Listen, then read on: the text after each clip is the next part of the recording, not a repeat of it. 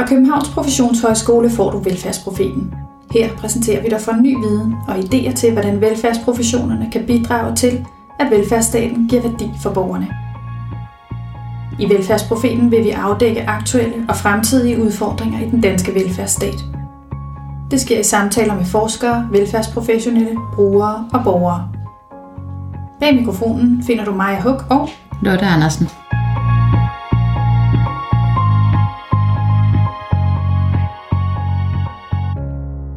Har været et helt særligt forår.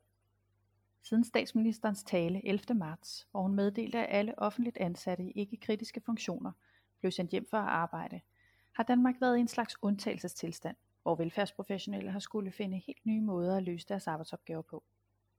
Nu er Danmark ved at lukke op igen, og vi er ved at være tilbage til en ny hverdag. Men hvad er det for en hverdag, vi vender tilbage til? Hvad har vi lært? Og hvilke udfordringer står vi stadig over for at skulle finde løsninger på? For at besvare det spørgsmål har vi inviteret formændene for de fem største fagforeninger, som Københavns Professionshøjskole uddanner til. I dag taler vi med Grete Christensen, formand for Dansk Sygeplejeråd, der fortæller, hvad coronakrisen har betydet for hendes fag og medlemmer.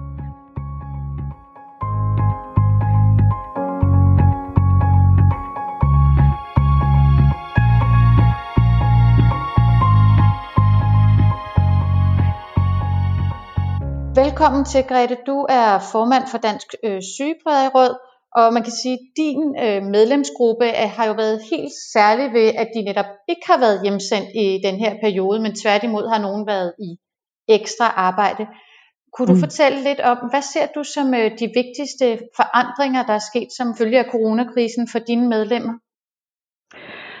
Jamen, øh, først og fremmest tak for muligheden for at være med øh, i denne podcast, som jo er vigtig for, øh, for fremtiden. Øh, vores øh, medlemmer har stået, som du selv siger, i øh, frontlinjen både på hospitalerne og ude i kommunerne, og der er ikke nogen af dem, der er blevet sendt hjem, men mange af dem er blevet udfordret af meget nye opgaver, som de ikke har prøvet før.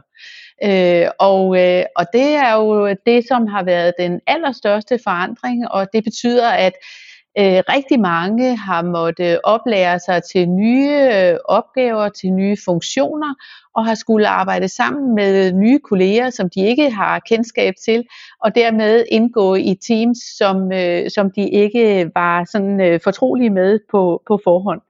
Øh, og det synes jeg, de har gjort fantastisk godt, og det er jo også det, der afspejler sådan øh, virkningen og, og det billede, vi alle sammen står med, at sundhedsvæsenet virkelig øh, viste sig omstillingsparat og klar og har leveret rigtig meget.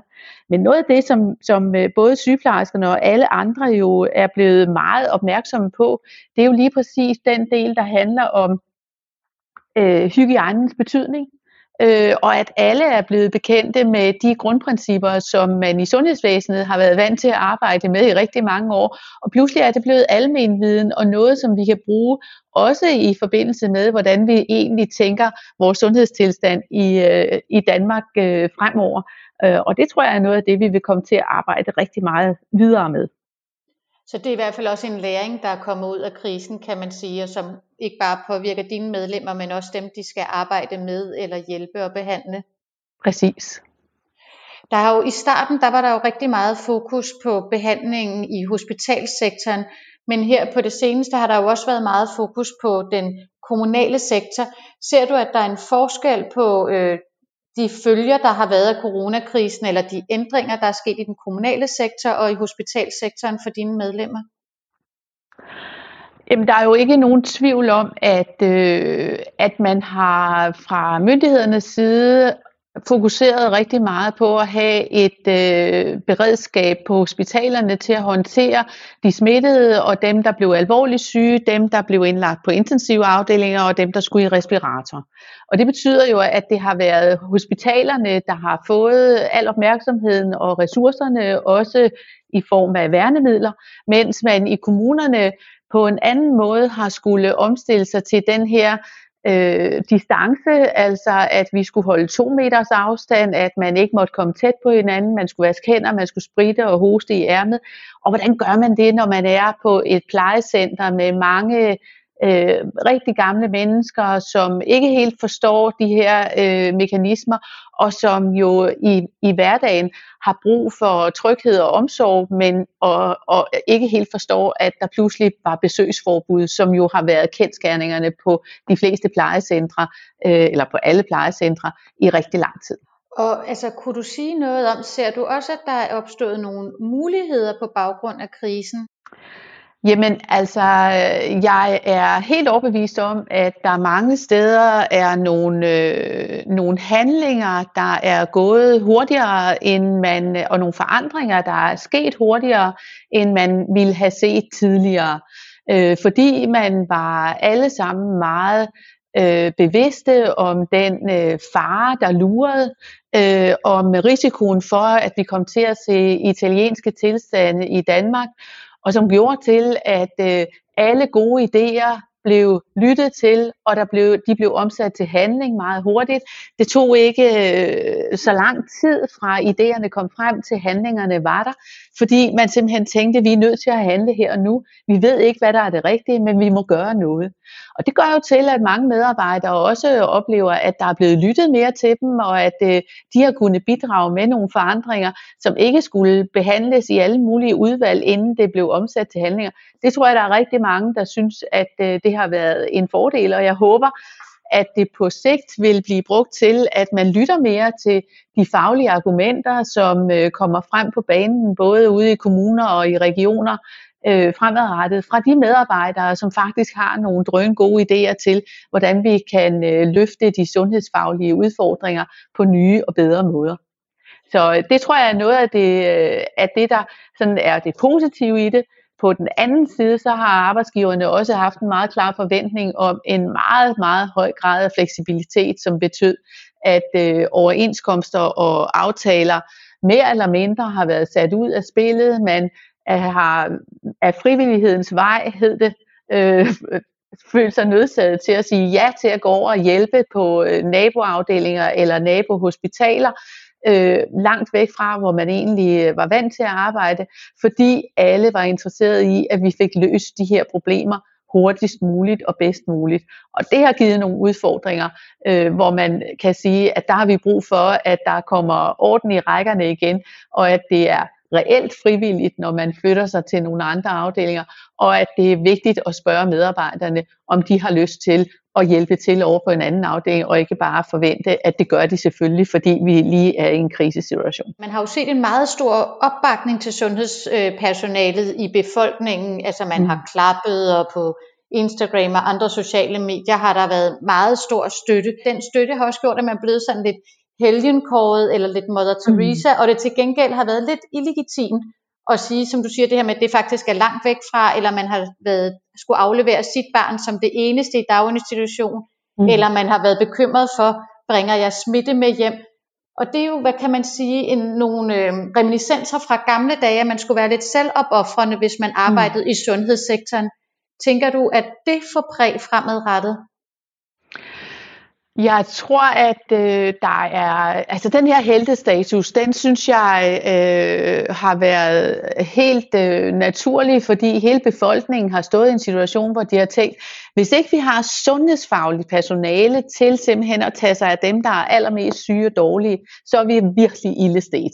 Altså vi kan gøre meget, og vi kan alle sammen lære at vaske hænder, holde afstand og alle de der forskellige ting. Men hvis ikke vi har et sundhedsvæsen, som har de fagligt kompetente medarbejdere, og som kan tage sig af de patienter, som virkelig er syge og dårlige, så er vi ildestet. Og derfor så øh, synes jeg, at heltedyrkelsen er helt på sin plads. Det er også en anerkendelse af, at vi faktisk har et sundhedsvæsen, som har vist øh, sig meget dueligt, og som virkelig har vist, at vi her øh, har formået både at omorganisere os og vise, øh, at øh, vi, vi fagligt set kunne håndtere de her situationer. Øh, det skal jo ikke føre til, at man som sundhedsfaglig person øh, skal tilbage til, at øh, sygeplejerskerne bor på hospitalet og helst skal være øh, ikke gifte for at øh, kunne opoffre sig hele døgnet rundt. Så derfor så skal der i, i lighedens og i øh, ligestillingens øh, hellige navn, så skal der øh, igen være respekt omkring, at øh, de mennesker, der arbejder i sundhedsvæsenet, selvfølgelig kaster sig over øh, opgaverne med ildhu, når der virkelig er brug for dem, men at der også skal være respekt omkring, at de er mennesker af kød og blod, ligesom alle andre, og at de har en familie, som de gerne vil kære sig om, at de har børn, som de er bekymrede for, om de bliver smittet, eller at de faktisk har ægtefæller eller øh, søskende eller andre, som er kronisk syge, og som de er bange for at bringe smitte med hjem til. Så, så der er rigtig mange af de her ting, hvor jeg synes, det er vigtigt at anerkende dem som helte, men også at have det der respekten for, at de er på bunden også helt almindelige mennesker, som har familier, og som de kærer sig om, fuldstændig som alle andre. Da du øh, talte om det her med de muligheder, der var opstået, så lød det lidt som om, at du øh, synes, at fagligheden tilbage, og måske også en vis afbyråkratisering af sundhedssektoren var velkommen, hvis der skulle ske forandringer til gavn for patienterne. Men sundhedsvæsenet har jo også været kendetegnet ved sådan et meget hierarkisk system, og også et system, hvor der er mange forskellige faggrupper sammen. Hvordan mm. øh, kan man arbejde tværfagligt og måske mindre hierarkisk, eller hvad tænker du, at det overhovedet øh, ønskværdigt, at man arbejder mindre hierarkisk i sundhedssektoren? Jamen, jeg synes, det er ønskværdigt, at vi øh, respekterer de mange forskellige fagligheder, der er i sundhedsvæsenet. Altså, øh, og også øh, slipper faglighederne lidt mere fri. Øh, og det gælder jo alle faggrupper. Altså, at man får lov til at agere inden for det kompetencefelt, som man nu har.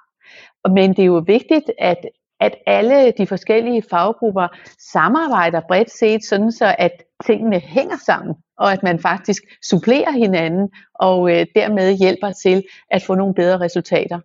Jeg synes et meget godt eksempel øh, undervejs i det her, var jo, at øh, sundhedsministeren faktisk øh, meldte ud til kommunerne, at øh, de nu gav mulighed for, at øh, sygeplejerskerne ude i kommunerne kunne arbejde mere selvstændigt og med et selvstændigt virksomhedsområde på nogle helt udvalgte områder, hvor de havde mulighed for ikke at skulle afvente et svar fra lægen på, om de kunne tage en, en prøve eller undersøge øh, en, blodprøve for forskellige ting, inden de kunne iværksætte en behandling. Og det var jo et eksempel på noget, som vi har arbejdet på igennem rigtig mange år, at give sygeplejerskerne et større selvstændighedsfelt, sådan at de med deres fagligheder kunne kompetent handle mere direkte sammen med borgerne og, og patienterne derude, uden at skulle afvente lægens godkendelse. Fordi der ved vi, at der spilder vi rigtig meget tid i sundhedsvæsenet i øjeblikket, fordi der er mange af de her eksempler, hvor sygeplejersken faktisk anbefaler til lægen, hvad det er, der skal udføres, og så afventer man godkendelsen fra lægen, men, men sygeplejersken ved det jo godt på forhånd, hvad det er, der skal øh, aftales her.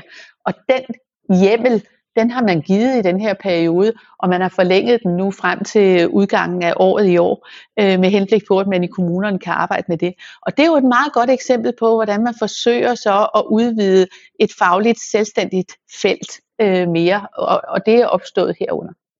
Og vi har faktisk i en tidligere podcast om øh, kommunal pleje under coronakrisen talt med en øh, plejehjemsleder, som sagde, at øh, en af udfordringerne er også, at sygeplejerskerne tit står med det sygeplejefaglige ansvar og skal vejlede for eksempel social- og sundhedshjælpere og social- og sundhedsassistenter. Og det matcher jo meget godt noget af det, du siger her. Kræver det nogle nye kompetencer eller forudsætninger for, at de kan leve op til det øgede ansvar eller de her nye øh, ansvarsområder? Jeg er øh, ret overbevist om, at det kræver ikke så mange nye kompetencer. Det, det kræver øh, øh, politisk interesse og vilje i at organisere hele arbejdet på ældreområdet øh, mere struktureret, sådan at øh, alle ved, hvem der gør hvad på forskellige områder. Øh, vi har fået lavet en rapport, der handler om den kompleksitet, der er i den kommunale sygepleje. Og der er det helt tydeligt, at sygeplejerskerne jo ikke øh, synes, at de mangler faglige kompetencer, men at det er meget den strukturelle bane, altså hele organiseringen af arbejdet og de mange forskellige øh, øh, grupper, som skal ind over, som er det, der giver en kompleksitet, som, øh, som er vanskelig at løse. Og det kan ledelserne i kommunerne jo bidrage vældigt med, øh, men det handler ikke om, at, at sygeplejerskerne som sådan mangler faglighed ind i det. Og altså, ser du, at, at der er noget i coronakrisen, hvor kommunerne jo også har været tvunget til at ændre deres øh, sædvanlige praksis, hvor vi har lært noget, som gør, at nogle af de udfordringer, I har fundet i jeres rapport, er blevet lettet, eller vi har fundet løsninger der?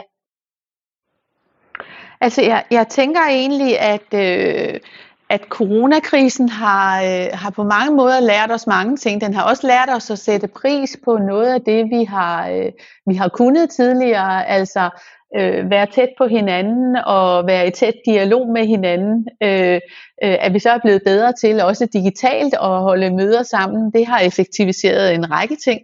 Øh, men, men sådan rent på den kommunale bane, der må jeg sige, at øh, der tror jeg simpelthen, at, øh, at selve det der med at få højnet øh, den hygiejniske standard, øh, der er der i hvert fald en række kommuner, der har øh, vist interesse i at få et tættere samarbejde med for eksempel hygiejnesygeplejersker om at få øh, defineret og få nedfældet klare retningslinjer for hygiejnen på alle forskellige områder i kommunen, lige fra vuggestue, daginstitutioner, skoler til øh, ældrepleje, plejecentre og andet, øh, for simpelthen at sikre, at vi faktisk samlet som samfund kan komme styrket ud af det her og udnytte de mange værdier, der ligger i at, øh, at højne hygiejnen hele vejen rundt. Det mindsker øh, antallet af sygedage for rigtig mange medarbejdere. Det mindsker antallet af sygedage hos børnene i institutionerne.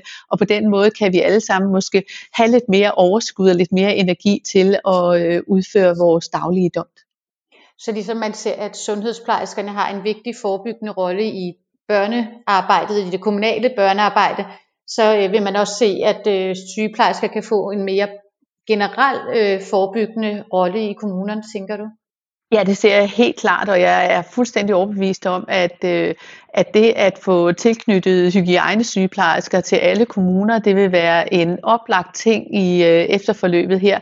Det er der en række kommuner, der har allerede, øh, men jeg er helt sikker på, at samtlige 98 kommuner vil øh, være meget interesseret i at få tilknyttet hygiejnesygeplejersker, og derfor så bliver vi nødt til at få gjort noget ved øh, også øh, specialuddannelsen af hygiejnesygeplejersker i Danmark, sådan at vi får uddannet nogle flere, fordi det er jo ikke sådan, at de hænger på træerne. Øh, så, øh, så der er øh, en opgave at, at løfte her, som jeg er sikker på, at øh, sygeplejerskerne kommer til at bidrage til. Så nu har vi talt lidt om mulighederne og læringerne, men kunne du også lige her på falderæbet sige lidt om, hvad er det for nogle udfordringer, der er opstået som følge af krisen? Jamen, der har jo været en, øh, en række forskellige udfordringer. Noget af det, som vi har øh, været optaget af hele tiden, det har været, at når man som person i sundhedsvæsenet går i front, så skal man øh, sikre sig beskyttelsen af de medarbejdere. Og det betyder, at øh, værnemidlerne skal være i orden, og at retningslinjerne fra myndighederne de skal være klare. Sådan at vi øh, beskytter alle dem i sundhedsvæsenet, som skal møde øh, dem, der er øh, potentielt syge, men særdeleshed dem, der er syge, og som vi ved øh, har smitten. Øh, og det har jo virkelig holdt hårdt, og jeg synes, det har været en øh, meget øh, sej øh, diskussion, også fordi vi undervejs øh, jo øh, fik den mistanke, at retningslinjerne faktisk blev øh, tilrettet i øh, forbindelse med oplevelsen af, at der enten var mangel på værnemidler, eller at der nu var lidt flere værnemidler, og så kunne man godt lempe lidt på kriterierne igen. Øh, og det synes jeg, at øh, i forhold til vores medlemmer, så har det været vigtigt for mig at sige, at tryghed og sikkerhed for sygeplejersker og alle andre sundhedsprofessionelle, det er det altafgørende.